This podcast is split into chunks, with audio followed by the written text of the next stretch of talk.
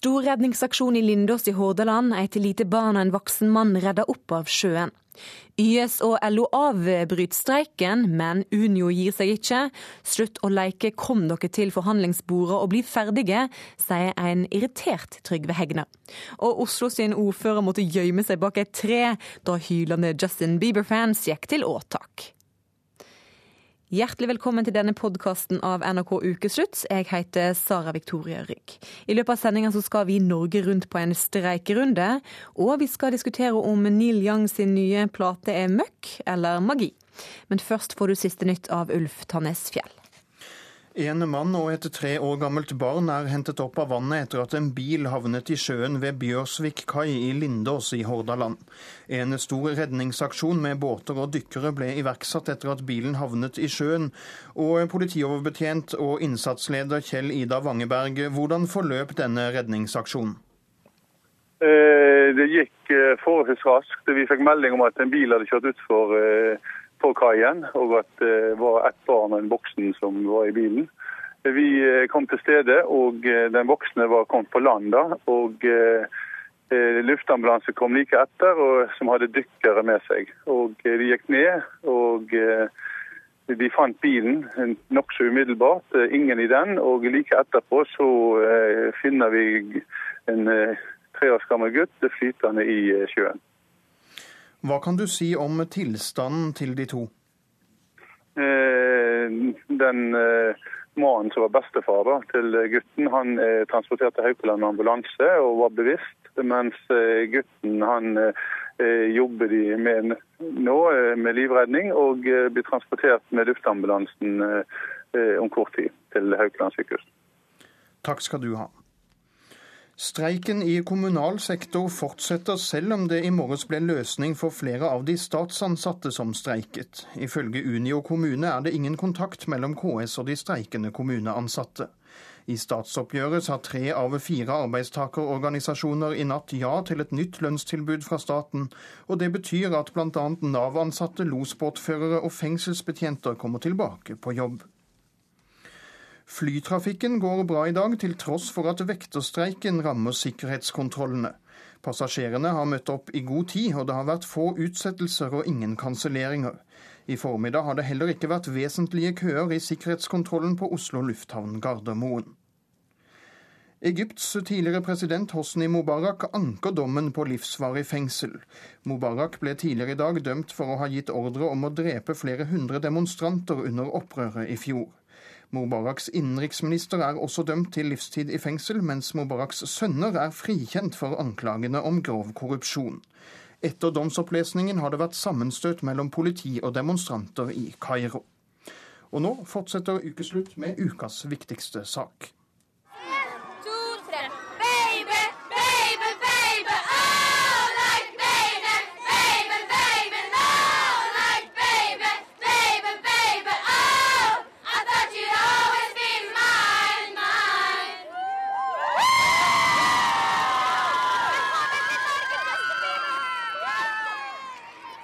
Syns dere om streiken?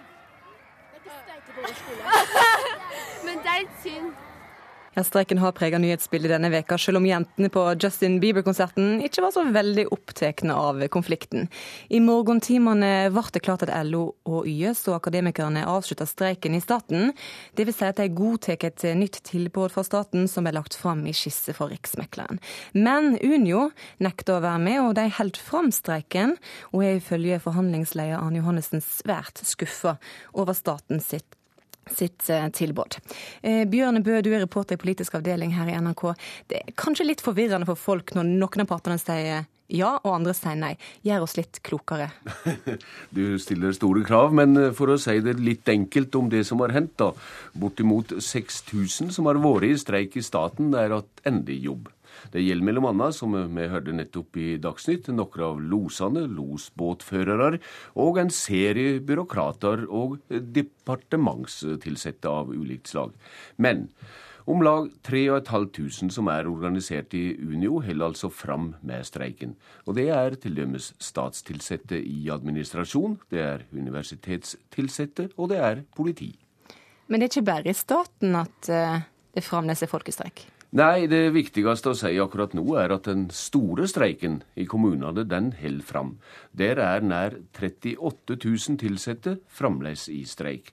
Det gjelder rad funksjonærer, som til dømes funksjoner årsak, som til dømes eh, søppeltjenester i Trondheim. Og det gjelder lærere, førskolelærere, fysioterapeuter og sykepleiere. Så dette er på ingen måte over. Og akkurat nå er det ingen offisiell kontakt mellom de streikende i kommunene og arbeidsgiverne. Men vi må vel regne med at det blir arbeidet hardt på bakrommet. Også med å studere, tror jeg, det som gjorde at deler av statsoppgjøret ble løst i dag tidlig. Mm. Unio eh, sier nå at de skal troppe opp streiken. Hvem er det som blir råka den?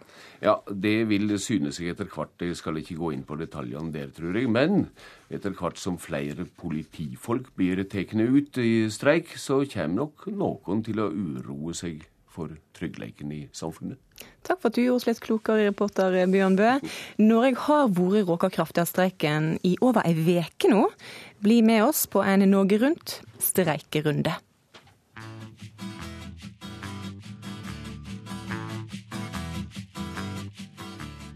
Her i Bergen er det fremdeles streik. Søppeltømmerne har ikke henta boss på ei veke. Det flyter engangsgriller og rekeskall rundt søppeldunkene og skaper ei ufin lukt i byen. Værmelderne nekter å gi oss været. I tillegg må mange ta med barna sine på jobb, for skole og barnehage, det har vi ikke. Her i Bodø er 160 statsansatte organisert i Unio Stat fortsatt ute i streik. Ved Universitetet i Nordland er eksamener avlyst for sykepleiere og lærerstudenter. På torsdag er det varsla ei opptrapping av streiken, og det vil ramme sosionom- og barnevernsutdanninga. Ansatte i politiet og Skatt nord er også fortsatt ute i streik. At LO Stat og YS Stat har kommet til enighet, får lite å si for Fredrikstad kommune i Østfold. Her fortsetter streiken stort sett som før. Men losbåtene er i det minste i gang igjen etter en ukes streik. Nesten 20 store lasteskip har ligget utenfor Strømstad og venta på los inn i Oslofjorden den siste tiden. Klokka fire i dag tidlig var ventetiden omsider over. Her i Trøndelag har det vært lange køer på Trondheim lufthavn Værnes i morgentimene. 40 vektere er tatt ut i streik ved flyplassen, noe som skaper utfordringer i sikkerhetskontrollen. I løpet av dagen forventer de ytterligere 3600 ekstra passasjerer som kommer til og fra et av cruiseskipene som ligger ved havn i Trondheim. Og søppelet flyter fremdeles. Ansatte i Trondheim bydrift har streika i over ei uke, noe som vises godt. Nå fryktes det rotteinvasjon i byen.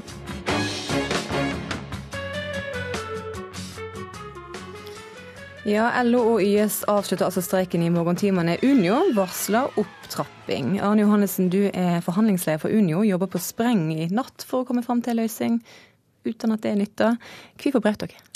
Dessverre så klarte vi det ikke. Jeg er veldig lei meg for det. Vi har jobba egentlig mer eller mindre i to døgn, men avstanden var for stor. Og det vi ser, er at totalramma er nå ca. 4,1% Og det er, betyr at vi kommer til å tape i forhold til industrien nok et år. Med det etterslepet som det heter på stammespråket fra i eh, fjor så kunne vi ikke si nei, men det er òg en totalvurdering i forhold til oss. Og det er jo innretning på økonomi og en del sånne ting. Og da ser vi at staten er ikke interessert i å betale utdanning og kompetanse i offentlig sektor. Jeg representerer grupper som prester, høgskolelektorer, forskere, politi, skatterevisorer osv. Det er arbeidskraft som vi ser nå bl.a. forsvinner til privat sektor i nokså stort monn. Mm. Samarbeidspartnerne dine, LO Stat og YS Stat, de takker ja? Ja, Hvorfor var det ikke godt nok for dere? Jeg har stor respekt for det. Vi har ulike vurderinger. Det er demokratiske organisasjoner som diskuterer dette. Og de kom til en annen konklusjon. Men det er jo òg sånn at det er ulik medlemsgruppe og sammensetning. Vi har litt ulike forventninger. Profil, ikke minst. Så ja, de takker ja, men det kunne ikke vi. Så du forventer mer lønn enn det de forventer? Nei, det er ikke snakk om bare mer lønn, men det er òg snakk om innretning på lønnsoppgjørene. Hvordan de treffer ulike grupper. Men det er jo sånn altså at jeg representerer mange med høy utdanning. Og det er ingen land i Europa som betaler dårligere for utdanning enn Norge gjør. Er det litt ensomt å streike alene nå? Ja, det var kjekkere for så vidt i lag med flere, men vi skal klare oss godt. Og vi er jo absolutt ikke alene, da, for vi er jo mange ute i streik. Og vi har toppmotivasjon blant de streikende, så ja, vi skal klare oss. Tross lite søvn, så er det toppmotivasjon. Sjefredaktør i Kapital, Trygve Hegna. Du sa tidligere i uka at streiken er uanstendig lang, og at de streikende ikke kom, kommer til å komme sigrende ut av denne her konflikten. Hva sier du til Arne Johannessen i dag? Ja, nå er det jo slik at Både fagforeningene og arbeidsgiver syns jeg er veldig dårlig til å informere om hva det egentlig går om. Altså Detaljene får vi aldri kjennskap til, og riksmeglingsmennene sier også veldig lite. Det er dårlig kunnskap for andre til å forstå hva som foregår. Men nå vet vi iallfall det, som du sa, at eh, YS Stat og LO Stat har godkjent et oppgjør da, med en ramme på 4,1 Eh, og i det private industrien, som Johansen var inne på, så er det jo slik at man tror at rammen i år vil bli 4% Men det er først når året er omme, når den såkalte lønnsglidningen er ferdig. Men man tror det er 4 Så nå vet alle at dette kommer til å havne rundt 4 i, i LO kommune og Akademikerne i Oslo de godtok jo 3,96% med uh, en mulighet for en justering siden. Eh, så vi vet, Hele Norge vet at eh, dette oppgjøret vil bli ramme på 4 eller 4,1. Kanskje klarer Arne Johansen å dra det til 4,15, men aldri mer enn det. For Det norske systemet er slik at vi følger frontfagene, og vi er lydige og flinke, og det blir da rundt 4 og, og, og, og Derfor syns jeg at når man vet det, eller man tror man vet det, så syns jeg at streiken nå har vart veldig lenge. Og så er det også det som irriterende er for meg og for folk, det er jo det at det er jo ikke part... Det, altså Arne Johansen og de, de rammer jo ikke sin motpart. Altså, de, Stat og kommune tjener på at folk er i streik, for da slipper de å betale lønninger. Og så betaler streikekassen da lønningene. Mens tredjepart blir rammet hele tiden, og de har ingenting med streiken å gjøre.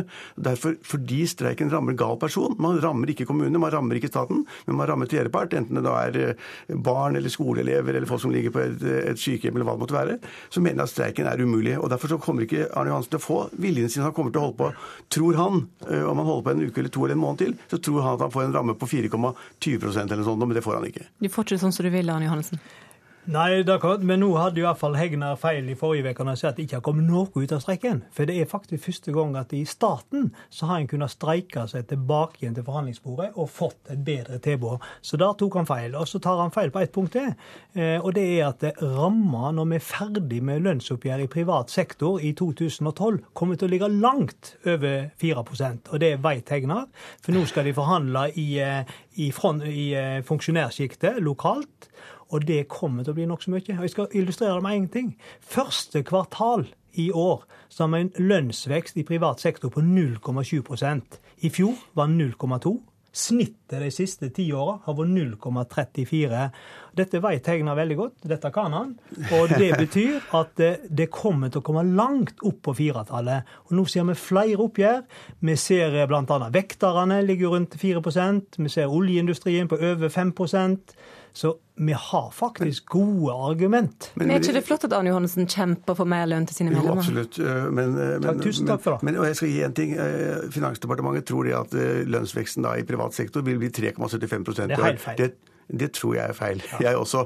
Eh, den, den, eh, den, vil havne på 4% og kanskje litt godt i overkant av 4 Men så er det også slik at min prognose om at man ikke vil få mer altså jeg synes Når jeg sier at man ikke kommer til å få mer enn 4, og LO Stat og YS Stat godtar 4,1, da syns jeg det er nesten blink, jeg, Arne Johansen. Men, eh, men, men, men jeg kan godt mene at det er feil. Og, og, så, og så er det veien videre som er det viktige. Veien videre er det viktige. Jeg tror altså da at denne streiken og nå vet jo ikke jeg engang, for det er helt umulig å få vite noen ting i dette landet her. Altså, Det var 50 000 som streiket. Er det nå 20 000 eller 22 000? Eller hvor mange har liksom sluttet å streike? Er det 30 000? Det vet vi ennå ikke, for vi som følger med, vi får ikke nok informasjon. Men om det nå er 20 000 som streiker, da, og det skal bli tatt ut mer, og, og Unio skal ta ut flere, eh, så er det min spådom fortsatt at Arne Johansen, dessverre kanskje, når han skal forhandle på vegne av sine medlemmer, han ender opp rundt 4,1 eller 4,15, han også. Men bare jeg er opptatt av informasjon, og jeg kan iallfall informere for Uno stat, som jeg har ansvar for. Vi er per i dag 2900 i streik, sånn vet du det. Og vi kommer fra neste uke til å være 3400. Men det er én ting som er viktig. Trygve Hegnar er en engasjert samfunnsdebattant, og jeg vet at han er opptatt av samfunnet. Og Da håper jeg vi blir enige om at en velfungerende offentlig sektor med yrker som høgskolelektorer, gode skatterevisorer, gode politifolk, forskere som skal drive med utvikling for samfunnet, innovasjonsarbeid, det må vi ha også som et toppfolk i offentlig sektor. Og Da kan vi ikke ha det sånn som vi har hatt de siste åra, at lønnsgapet mellom privat og offentlig sektor øker fra 59 000 til 118 000. Det håper jeg også men jeg er, er hovedsak enig i det, men jeg syns at, at, den type streik vi har, og selve tarifforhandlingene, de underslår også det faktum at i offentlig sektor mm. så har de altså så gode pensjonsordninger som knapt noen har i privat sektor. slik at man får, Når man blir pensjonert, nå er det Johannes blir pensjonert, så får han 66, 66 av lønnen sin i pensjon. Det finnes knapt noe sånn i privat sektor. Dessuten, dessuten, dessuten, de jeg ofte ser, og industrien og andre, når det går dårlig med bedriftene, og de må si opp folk eller sparke folk, så er de borte. Ingen kan noen gang bli eh, sagt opp i, i stat eller kommune. Det betyr at de har et, et, vern når det gjelder jobben sin, som er mye sterkere enn i privat sektor. Slik at Det betyr at det må kanskje være en bitte liten forskjell, fordi man har denne pensjonsfordelen. Ja. LO og YS sa greit, nå kommer vi tilbake til arbeid. Unio sa vi vil forhandle videre. Hva er det tips til Arne Johannessen? Ja, jeg tror de kommer til å forhandle videre. Eh, og jeg bare gjentar meg selv, jeg tror de kommer til å havne da de, For det første så klarer de ikke å få til å, å dekke gapet. Det er jeg litt enig med Arne Johansen i at gapet er ganske stort. Men de kommer ikke til å dekke noe som helst av det. Og da blir det spørsmål hvor han skal på en måte tennerskjærende gi seg. Om man skal gi seg på 4-1 eller 4-15, man kommer til å gi seg der. Men, du er motivert, ser du. Hvor lenge holder du på? Ja, Vi er motivert og vi står på. Men eh, jeg syns det er veldig bra at vi får den anerkjennelsen fra Trygve Hegnar. At det gapet som nå er mellom offentlig og privat, det er for stort. Og så er vi helt enige om at ja, det er forskjell i forhold til den eh, vernet som offentlig tilsatte har. De får vi aldri sagt, Trygve Hegnar. Vi skal ha samme lønn som privat sektor. Det har vi aldri sagt. Men vi syns det er for stor avstand i dag. Også når vi ser i forhold til pensjonsordning. Men, men bare for å komme tilbake til streiken. Han, han, de må klare å gjøre det slik at ikke tredjemann blir rammet. De rammer ikke riktig person. De streiker mot staten og kommunene, og så er det tredjemann, mm. den enkelte, som blir rammet hardt, og det er galt. Takk til deg, Trygve Hegnar, og takk til deg, Arne Johannessen. Denne veka har tidligere venner Anders Behring Breivik forklart seg i retten. Vi kan høre hvordan NRK-reporterne oppsummerte hvordan vennene til Breivik oppfatta han. Jo, en, Han beskrev Breivik som en fortrolig venn, en man kunne stole på. Driftig, pertentlig, fokusert og kanskje litt selvsentrert. Åpen, lojal, også forfengelig. En engasjert person, opptatt av politikk og religion. Han eh, sa også at han var en av de mest sosiale personene han noen gang har kjent. Ganske godt humør, sprudlende. Han var en ung mann som var sosial, opptatt av festing og penger, helt til et plutselig vendepunkt. For eh, Torunn Kanutte Husevik har det vært rart å følge med på forklaringene til eh, vennene til Anders Behring Breivik. Her er lyddagbokinnslaget hun har sendt oss denne veka.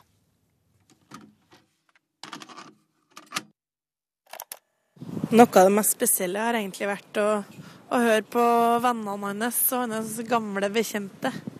Av en eller annen grunn så har jeg tenkt veldig mye på, på, på dem. Jeg har lurt veldig på hva tenkte de når han snakka om alt han sto for?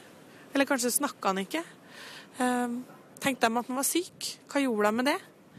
Uh, eller var han helt normal fram til han eh, kom ut på Utøya og tok livet av folk jeg brydde meg om? Det er jo helt uh, normale folk som har vært i retten. Og på den ene sida så har jeg vært veldig opptatt av Eh, hva sa dere til han? Eh, kunne dere ha stoppa han, alle de her spørsmålene? Eh, men på en annen side så har jeg også fått veldig vondt dem. De har mista noen, dem òg. Og jeg tror jeg bare må slutte å tenke på de spørsmålene om, om hva kunne andre ha gjort. For på samme måte som vi får veldig beskjed fra fagfolk og andre kloke hoder at vi ikke må bebreide oss sjøl, at vi ikke må ha noe skyldfølelse for hva som har skjedd, eh, er det også viktig at Breivik sine venner og familie ei heller har noe skyldfølelse. Ellen Margrethe Westel, du er rettspsykolog. Hvordan er det mulig at ingen avslører en så stor hemmelighet som den Anders Behring Breivik bar på? Jeg tenker jo på at uh, I det tilfellet så er det jo sånn helt ekstremt. Og det å kunne ha fantasier om at noen skulle kunne gjøre noe slikt, er jo liksom sånn helt utenfor fattevidde. Og ingen vil jo tenke de baner. Men jeg tror jo vi tror jo det beste om våre nærmeste, ikke sant? og går ganske langt før vi begynner å konfrontere dem med at de er uærlige overfor oss. Og Derfor ser man jo f.eks. i nære relasjoner at hemmeligheter kan vare ganske lenge.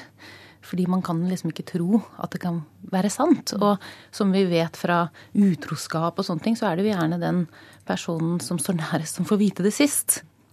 Inger Verse, du er tidligere jurist, og du har skrevet boka 'Psykopatens grep'. Eh, de fleste av oss ser på Anders Behring Breivik som en massedrapsmann og en terrorist. Eh, men vennene hans, når de vitner denne veka, så snakker de om en sosial venn, en venn de kunne stole på. Han var engasjert. Hvordan er dette her forenlig? Ja, den erfaringen jeg har, det var at de fortalte om et menneske som hadde to helt forskjellige sider. Um, altså det, jeg kaller det for en, en dagside og en nattside. Og den dagsiden, den er det de fleste ser. Det er få som ser nattsiden, og det er ofte de som er de nærmeste, som lever sammen med dem. Og det er jo da en som beskrev sin mann som Olav og Mr. X. Og de var helt vidt forskjellige. Hvordan forskjellige? Eh, Olav var veldig hyggelig og så empatisk, og de satt en kveld foran peisen og drakk vin og hadde det hyggelig, men så ble de litt uenige om en programleder. Og så gikk han, han på kjøkkenet, og den som kom inn igjen i stuen, det sa hun, beskrev hun da nå kom Mr. X, og Olav hadde forsvunnet. Ble helt annerledes, øynene ble annerledes, hele ansiktet ble annerledes. Og da angrep han henne og skjelte henne ut. Mm.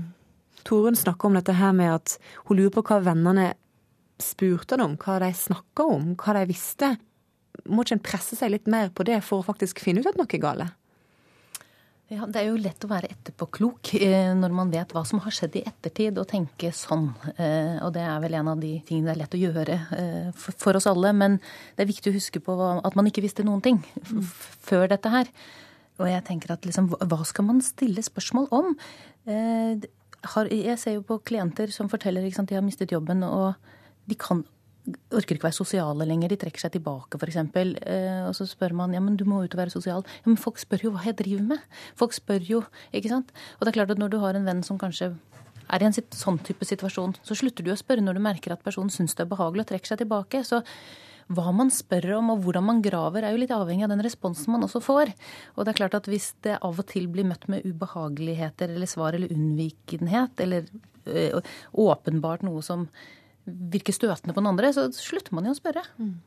Men hvordan oppleves det for noen når dette her sviket da kommer for en dag? Ja, Det må jo være et sjokk, og selvfølgelig helt, eh, helt forferdelig. Og det er sikkert også noen som tenker at eh, oi, jeg burde vært mer aktiv, eller jeg burde gjort noe mer. Men som sagt, det er veldig lett å være etterpåklok og klandre seg selv. Man kunne jo ikke vite. Mm. Så det er utrolig viktig å ikke tenke sånn. Jeg tenker da jeg hører på deg, at um, jeg har jo den erfaringen at alle de, som, ja, de sakene jeg har vært, uh, vært, med og fulgt med, så er det jo til og med altså, masse erfarne sakkyndige barnefordelingssaker. Det er dommere, det er familieterapeuter som ikke har, ikke har gjennomskuet dette. Sånn at en, en, vanlig venn, og det er jo dette med at hvis de hadde gått på litt mer, så kunne det blitt brudd, og det kunne blitt ganske ubehagelig. For jeg tror ikke vennskapet hadde fortsatt ja, hvis de hadde presset han, de vennene. Og så er det jo dette her med å generelt, i, i det vanlige, det å avsløre folk at de lyver, det er jo noe vi holder oss ganske godt unna. For det, det å være, bli kalt en løgner i vårt samfunn er eh, noe av det verste vi kan bli kalt. Sånn at jeg tror vi unngår ofte å konfrontere folk med ting som vi ikke får helt til å stemme overens. Takk til dere Ellen Margrethe Wessel og Inger Wesje. Du hører på Ukeslutt i NRK P1 og P2. Hold fram med det å høre at fallhøgda er stor når en har konsert samme veke som JC og Justin Bieber, sier The Lucky Bullets. Hadde ikke 50 000 hylende fjortiser til stades på sitt show. Og meteorologene streiker, men frykt ikke. Ukeslutt har møtt en værprofet som forteller deg hvordan været blir. Stortingsmeldinga om barn på flukt kommer for seint for noen av asylbarna. Åtte år gamle Verona ble sendt ut av landet for tre måneder siden, etter å ha bodd hele livet i Norge. Nå mener advokaten hennes at det ikke ville skjedd dersom stortingsmeldinga hadde kommet noen måneder tidligere. Nei, jeg må holde meg! For tre måneder siden lekte åtte år gamle Verona Delic med vennene sine i Norge. Se på min. Nå skal vi bytte farger. Ja. Verona er født på Rjukan. Hun gikk i barnehagen der. Hun gikk i første, andre og tredje klasse. Så, i mars, fikk hun ikke være der mer. Hun ble satt på et fly til Bosnia, et land hun aldri har vært i.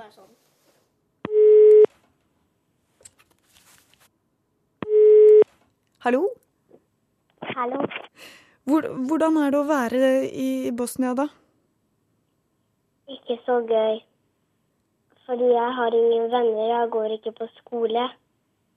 Hva er det du gjør eh, på dagene da, når du er der? Bare sitter hjemme. Skjønner du hva de sier da? Nei. Du kan ikke snakke språket? Nei. Har du blitt kjent med noen barn der, da? Ingen. Familien har ikke fått ID-papirene sine ennå, og derfor har ikke Verona kunnet begynne på skolen i Bosnia. Saken hennes er anket til Høyesterett, og nå håper Veronas far, Amir Delic, at det står noe i stortingsmeldingen om barn på flukt som kan gjøre at de vinner frem i retten. Stort sett eh, tenker jeg på Verona. Hun er veldig fortvila. Hun er nesten tre måneder i Bosnia nå og har ikke fant en eneste venn. Og hun føler seg som en utlending, rett og slett. Hun smiler. Vil du velge neste lek? I fjor gjorde Verona lekser som alle de andre tredjeklassingene på Rjukan. Så bestemte både Utlendingsnemnda og lagmannsretten at innvandringspolitiske hensyn var viktigere enn Veronas beste. Og vi er også enige om at praksisen i Utlendingsnemnda har bevega seg i for streng retning i forhold til hva som var Stortingets ønske i 2007. Barneminister Inga Marte Torkelsen forteller at det står i stortingsmeldingen om barn på flukt at Utlendingsnemnda har lagt for liten vekt på barns beste. Og det har ramma en del av de barna som har fått avslag. Eh, og så har vi sagt at hensynet til barna må veie tyngre enn det det har gjort til nå. Håkon Bodal Johansen ved advokatfirmaet Elden er Verona sin advokat. Han mener Verona aldri hadde blitt sendt ut av landet hvis stortingsmeldingen hadde kommet tidligere. Eh, jeg tror Verona hadde fått uh, bli i landet. Jeg tror at, at myndighetene og domstolene ville, ville forholdt seg annerledes hvis man hadde fått denne stortingsmeldingen på bordet. Um, og hvis ikke man i denne saken skulle la barnets beste gå foran og, og, og, og gi familien opphold, så har jeg vanskeligheter for å forstå at man i noen som helst saker uh, vil gi barnets beste forrang. Ja, vi elsker dette landet som På 17. mai for to år siden ble Verona filmet av NRK.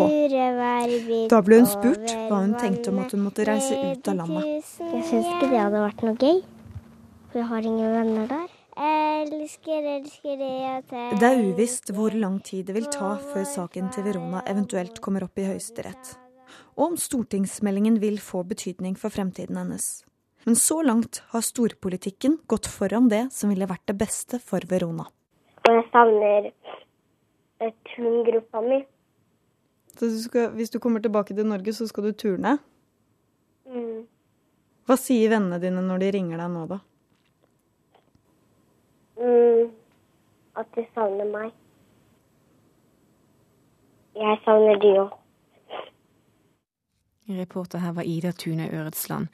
Og etter at deler av stortingsmeldinga ble sluppet denne veka, har både opposisjonen og Utlendingsnemnda hevda at eh, så lenge regjeringa ikke lager nye lover, så vil ikke flere barn få bli i Norge. Men regjeringa lover at praksisen skal bli endra. Biebermanian traff Norge så hardt denne veka at ordføreren i Oslo, Fabian Stang, måtte gjemme seg bak et tre da horder av fjortisjenter storma gatene på jakt etter tenåringsidolet sitt. Hør bare her. Nei, jeg blir litt fascinert av det at noen klarer liksom å på en måte lage en Beatles-stemning igjen. Det syns jeg i grunnen er litt ålreit, men, men eh, litt nervøs ble jeg vel over at eh, noen av dem ikke var mulig å snakke til. Jeg tror politiet rett og slett hadde problemer med å kommunisere med dem. Kan du beskrive det jentehylet? ja, det var, det var, hyl som jeg skulle ønske jeg hadde hørt når jeg var, var 17-18. Men har du, noe, har du noen eh, Bieber-favoritt? Nei, nå er min favoritt at jeg vet at han heter Bieber, og så skal jeg høre på melodien etter hvert. Han går og nynner 'baby, baby, baby', oh. Langt ifra. Aldri hørt den før. Det var politisk rådgiver Rune Dahl som kom ordføreren til unnsetning der. Tidligere i veka så sprang paparazzi-fotografene i kapp for å få bilder av rappkongene JC og Kenny West, som åt hummer og drakk champagne før de fylte Telenor Arena til randen. Deretter var det like før hele Oslo fikk kollektiv tinnitus av hvininger fra 50 000 fjortisjenter som dånte så fort de så snurten av tenåringsidolet Justin Bieber. Med så mye storfint besøk har det med andre ord vært vanskelig for andre å få oppmerksomhet, så Ukeslutt bestemte seg for å rette søkelyset på et band som måtte trenge gjennom Bieber-hysteriet, da de hadde plateslipp og konsert denne veka. Og det er litt fallhøyde. Ikke sant? Der er også Osborne-konsert og Justin Bieber og noen Jeg tror faktisk òg Hillary Clinton driver og spankulerer ned på Karl Johan akkurat nå. I kveld gjelder det for The Lucky Bullets. Det er plateslipp og konsert på Parkteatret på Grünerløkka. Du husker dem sikkert fra Grand Prix i fjor, Rockabillyguttene med Fettsleik.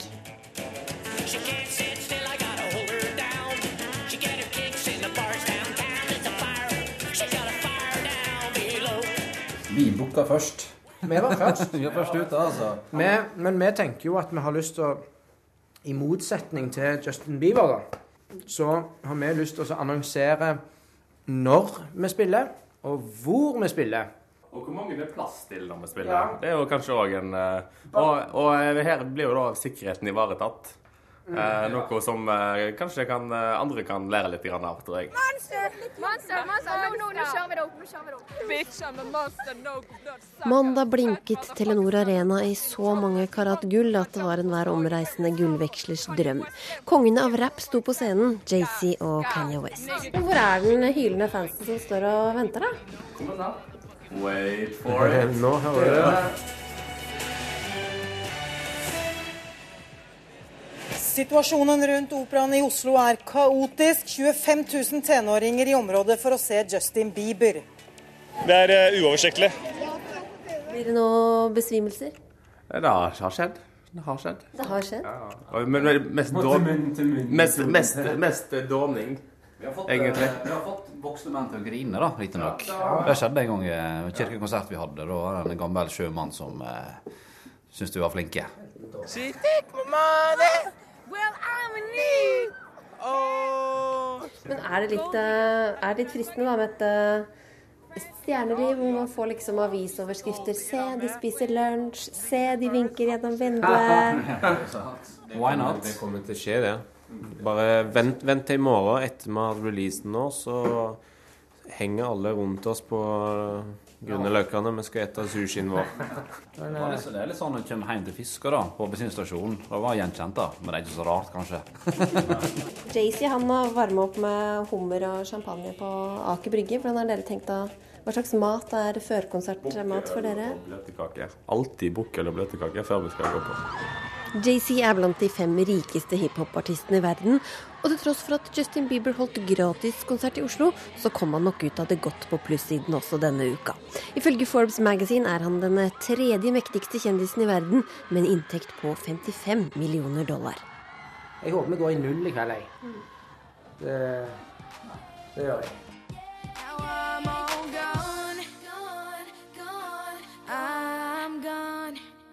Det var reporter Linn Beate Gabrielsen som hadde møtt The Lucky Bullets. Det har altså ikke vært helt enkelt å få oppmerksomhet denne veka som Justin Bieber og Jay-Z har tussa rundt i Oslo sentrum. En som derimot har klart å få litt oppmerksomhet, kanskje ikke akkurat den typen oppmerksomhet han hadde håpa på, det er en god gammel helt, nemlig Neil Young, som ga ut plate denne veka. Og den ga du terningkast én, Morten Ståle Nilsen, du er musikkanmelder i VG. Hvorfor gjorde du det? Uh, som uh, en fyr som er veldig begeistret for Neil Young, og som har ventet uh, ganske lenge på at han skulle komme tilbake med sitt mest unike band, nemlig Crazy Horse, så ble jeg, jeg ble vel, for å være ærlig, smått rasende da jeg hørte denne plata. av skuffelse. Pur skuffelse. jeg er glad i Neil Young, men jeg er ikke, anser han ikke som ufeilbarlig. snarere tvert imot. Neil Young er i likhet med Bob Dylan, en sånn genitype som har gjort veldig mye dumt også, i tillegg til alltid det geniale. Og denne gangen så syns jeg at altså etter, Det begynner å bli ganske lenge siden han ga ut en ordentlig bra plate, og nå syns jeg at liksom, tabbekvoten begynner å bli fylt opp. Mm. Så det her var nesten som et slag i ansiktet på meg, altså denne plata, som bare er søppel. Møkk, kaller du det? Hestemøkk klarte, eh, kalte jeg det vel. Det var da et forsøk på ordspill på at det var Crazy Horse inne i bildet her. Jeg vet ikke om alle opp, oppfattet det. Det er Arild. Arild Rønsen, du er redaktør for musikkmagasinet Puls. Eh, Møkkakommentaren var du uenig, uenig i. Du skrev at dette her var magisk. Hvordan går det an å bli så uenig? Ja, For det første så er jo det et godt eksempel på at eh, de som leser musikkanmeldelser, ikke alltid behøver å stole på vedkommende. da. For vi, både Morten Ståhl Nilsen og jeg er vel antageligvis ganske kompetente når det gjelder Neil Young, og kan ha så forskjellige oppfatninger. Men jeg mener jo i dette tilfellet da, så har eh, min kollega han har ikke skjønt hva plata handler om. Og derfor så burde han ikke anmeldt den. Altså den, den, den plata handler Neil Young har lagd ei plate som er hans protest, utrop mot amerikanernes krigføring, hvordan man oppfører seg rundt omkring på kloden. Og så har, har han brukt gamle sanger for å få det til. Og, han, og de spiller så bra. Dette skjønner jo ikke Morten Ståhl Nilsen noen ting av. Crazy Horse spiller så bra på denne plata. Det låter som Og en av dine gamle album, eh, Arild Ransen. Vil si ikke det særlig bra i det hele tatt. Men eh, jeg, jeg har skjønt hva plata handler om. Jeg tror du eh, driver med ønsketenkning når eh, du tolker den dit hen at det er liksom et slag mot eh, amerikansk imperialisme og krigføring og sånne ting. Altså, Neil Young har uttalt seg om dette. Det står i presseskrivet, og det står på omslaget, at dette er en sentimental samling sanger om et Amerika han føler er i ferd med å bli borte. kamerat Derfor gjør han tror- også God tror- Save the Queen, Ja, men som var en de facto Ja, men- nasjonalsang i USA. Ja, men tror du det er tilfeldig Det er når, ikke når, du Star går, Spangled ja, men når, du, når du går inn på hjemmesida til Neil Young, det første du ser nå, er ikke for å selge, for å få kjøpt den plata. Du får Memorial Day, ikke sant? Du ser hvor mange amerikanere som er drept i krigen i Irak. Dette er Det er jo poenget til. Neil Young Men det er ønsketenkning. Og uansett Nei, så det er er det, ikke veld, veldig risky å bruke Neil Young som en slags sånn politisk rettesnor. For Neil Young forandrer mening fem ganger hver dag. Vi skal ikke mange år tilbake før han var en uttalt republikaner som støtta Reagans Star Wars-program og sånne ting. Neil Young er en politisk idiot på linje med, med Hamsun. Så ikke Jeg trodde du skulle si på linje med meg. igjen. Morten Ståle Nilsen, eh, du tror ikke Neil Young leser VG, men dersom han hadde gjort det, hva tror du han hadde sagt til en sånn anmeldelse? Takk for konstruktiv kritikk, hadde Neil Young sagt. da. Jeg skal, jeg skal prøve hardere neste gang. Nei, det, altså, jeg håper, jeg håper Neil ja, Han leser ikke VG, og jeg håper han ikke gjør det heller, for dette er bare dumt. Vi, vi skal høre et lite kutt av en av låtene fra den nye plata til Neil Young.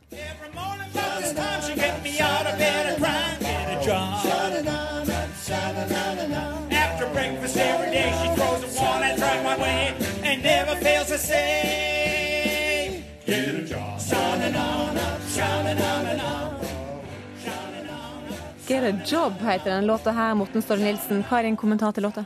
bør vel kanskje vurdere en ny jobb. Ærlig talt, altså, Det at Neil Young gjør en dårlig plate, er ikke spesielt oppsiktsvekkende. Han har gjort det mange mange ganger i løpet av karrieren. Jeg er helt sikker på at turneen som sikkert kommer nå, kommer til å bli kjempefin.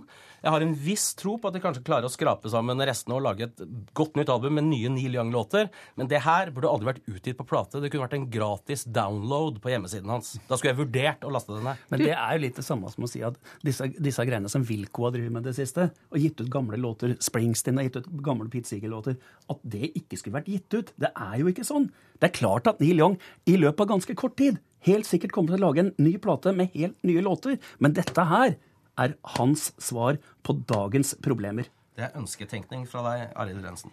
Eh, Det var en eh, artist eh, som samla 50 000 skrikende unge jenter i Oslos gater denne veka. Tror du, Morten Ståle Nilsen, at Neil Young hadde gjort noe, noe lignende hvis han kom til Norge i dag? Jeg tror helt sikkert at Neil Young med Crazy Horse kunne solgt ut, eh, om ikke Valle og Hovin, så helt klart Telenor Arena. Altså, dette er et av rockens mest klassiske konstellasjoner. På sitt beste så er Neil Young og Crazy Horse fullstendig magi.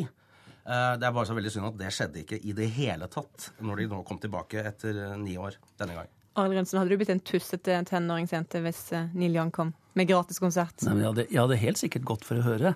Jeg var ikke på Justin Bieber, da, men jeg skjønner faktisk de unge jentene også. Jeg, skjønner det, at hjertet kan banke så inderlig. Det er ikke bare Oslo som har hatt storfint besøk denne veka. I dag er det Tromsø sin tur. Hillary Clinton er på besøk, og hun har nettopp kommet i land etter en båttur på fjorden. Reporter Robert Greiner, du har fulgt den amerikanske utenriksministeren i dag. Hvordan har dagen hennes vært så langt? Ja, Det starta som eh, du nevner med denne båtturen. Det var med forskningsskipet Hjalmar Hansen og eh, Helmer Hansen, unnskyld, og vi gikk eh, et lite stykke rundt øya for de som er lokalkjent. Nå er hun inne på Framsenteret, og eh, vi er på yttersida venter på at hun skal komme sammen med Støre og gi en uttalelse. Men jeg har med meg en som eh, var fagleder, eller hva jeg skal si, et slags faglig vertskap må vel si, for eh, denne seilasen som Clinton var med på. Jan Gunnar Winther, administrerende direktør ved Norsk Polarinstitutt. Eh, Hva snakka dere om? Vi snakker om eh, de store endringene som skjer i klimaet i Arktis, eh, og at de ikke bare er betydningsfulle for Arktis, men også har betydning for vær og klima helt andre steder i verden. Det er altså faktisk slik nå at vi vet at når eh, havisen i Arktis smelter, så påvirker det været både i USA og Kina og for så vidt i Afrika. Så det forplanter seg gjennom atmosfære og hav. Og det gjør at viktigheten av å forske i Arktis er av global betydning. Hvor oppdatert eh, virker Clinton på disse spørsmålene? Clinton er godt kjent med problematikken, har engasjert seg i det som gjelder klimaendringer, har engasjert seg i Arktisk råd og i, i nordområdene generelt. Så, så hun er høyst innsiktsfull og entusiastisk på det temaet. Kanskje ikke en utenriksminister sin oppgave, men likevel eh, fikk du inntrykk av at det var vilje til å sette noe handlekraft? Ja, det vil jeg si. Og hvis man følger amerikansk politikk, så ser man jo også at eh, Obama-administrasjonen nå setter klimaendringer inn i, som en del av valgkampen som nå foregår i USA. Ellers, eh, hvordan har hun hatt det ute på fjorden? Nei, Vi har jo da endelig fått litt vår her, og det er sol og det er vindstille, og det var flott natur og hvite fjell rundt, så, så det var en veldig flott atmosfære og en veldig flott ramme rundt det. Og Hillary Clinton ønsker jo også å besøke eh, Tromsø, fordi Tromsø har fått det faste sekretariatet for Arktisk råd, og hun var viktig i den beslutningen, og nå har hun fått eh, muligheten til å ta det i øynene sine sjøl. Reporter Robert Greiner, i går så hørte vi at Jonas Gahr Støre måtte ta seg av kaffeserveringa til Hillary Clinton sjøl pga. streiken. Ser han litt sliten ut, eller? Nei da, han ser fullt oppegående ut. Og I går så var han så heldig at han hadde full midnattssol over de snøbelagte tinnene rundt Tromsø. Og Da gikk eh, han og Hillary på en spasertur eh, langs eh, kaia og traff på hurtigruta og amerikanske hurtigruteturister som var meget storøyde over å treffe sin utenriksminister nord for Polarsirkelen. Det hørtes jo veldig koselig ut. Takk til deg, reporter Robert Greiner. Nå skulle vi egentlig hatt værmelding her i ukeslutt, men pga. streiken så blir jo ikke det noe av. Vi oppmoder deg derfor til å se ut av vinduet om du lurer på hvordan været blir, eller så kan du høre den neste reportasjen vi har klar for deg her i ukeslutt. Reporter Vidar Gudvangen han har nemlig møtt værprofet Magnus Skilheim. Han har hatt det travelt med å spå været i det siste. Ja da. Jeg har ikke hatt nedbør nå siden 19. mai. Hva forteller det? Nei, det forteller at det stemte det som jeg spådde her tidligere. 80 år gamle Magnus Skildheim smiler tilfreds der han sitter på en benk ute i tunet. Vi er på fjellgården Rørvik ovenfor Vadheim i Sogn. Hit har mange ringt den siste veka. Mange telefoner. Ja, hvem er det som ringer? Alle. Sånn at, men jeg har jo en hel hær som tror mer på meg eller på meteorologene, så de ringer jo før til meg. Eller. Er det mange journalister som ringer når det er streik? Ja. Han er kjent som værprofeten i Vadheim.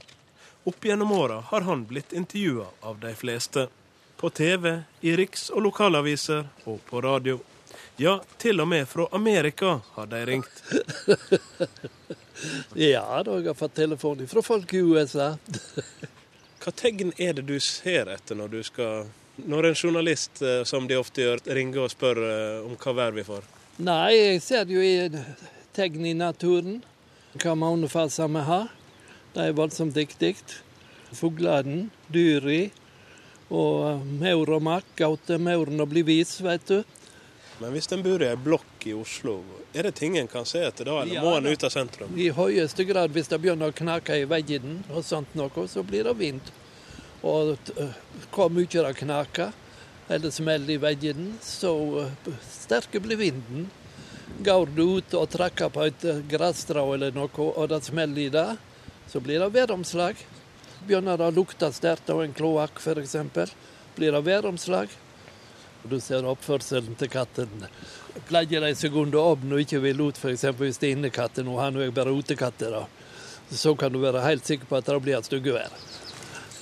Da begynner det å hagle her, samtidig så skinner sola. Hva vær kan folk vente seg til uka, tror du? Jeg er redd for det at eh, det slår om igjen nå. Jeg sa jo at vi fikk fint vær første delen av pinsa, men til slutten av pinsa så vil det snu om. Nå har det Hilde en stund til, da. Men jeg er redd for at eh, vi kan få eh, nedbør i neste uke. Gjelder det bare Vestlandet, eller? Eh, Det er både øst og vest. Hva med de som bor i nord og har hatt snø denne uka? Ja, det er torskeskapet til å spille fotball i snø, det. Har, du noe spådom til dem? Nei, de får fortsatt kulde. Det gjør de. Ukeslutt er over for i dag. Siri Storstein Hytten var ansvarlig for det hele. Karl Johan Rimstad styrte teknikken, og jeg heter Sara Victoria Rygg.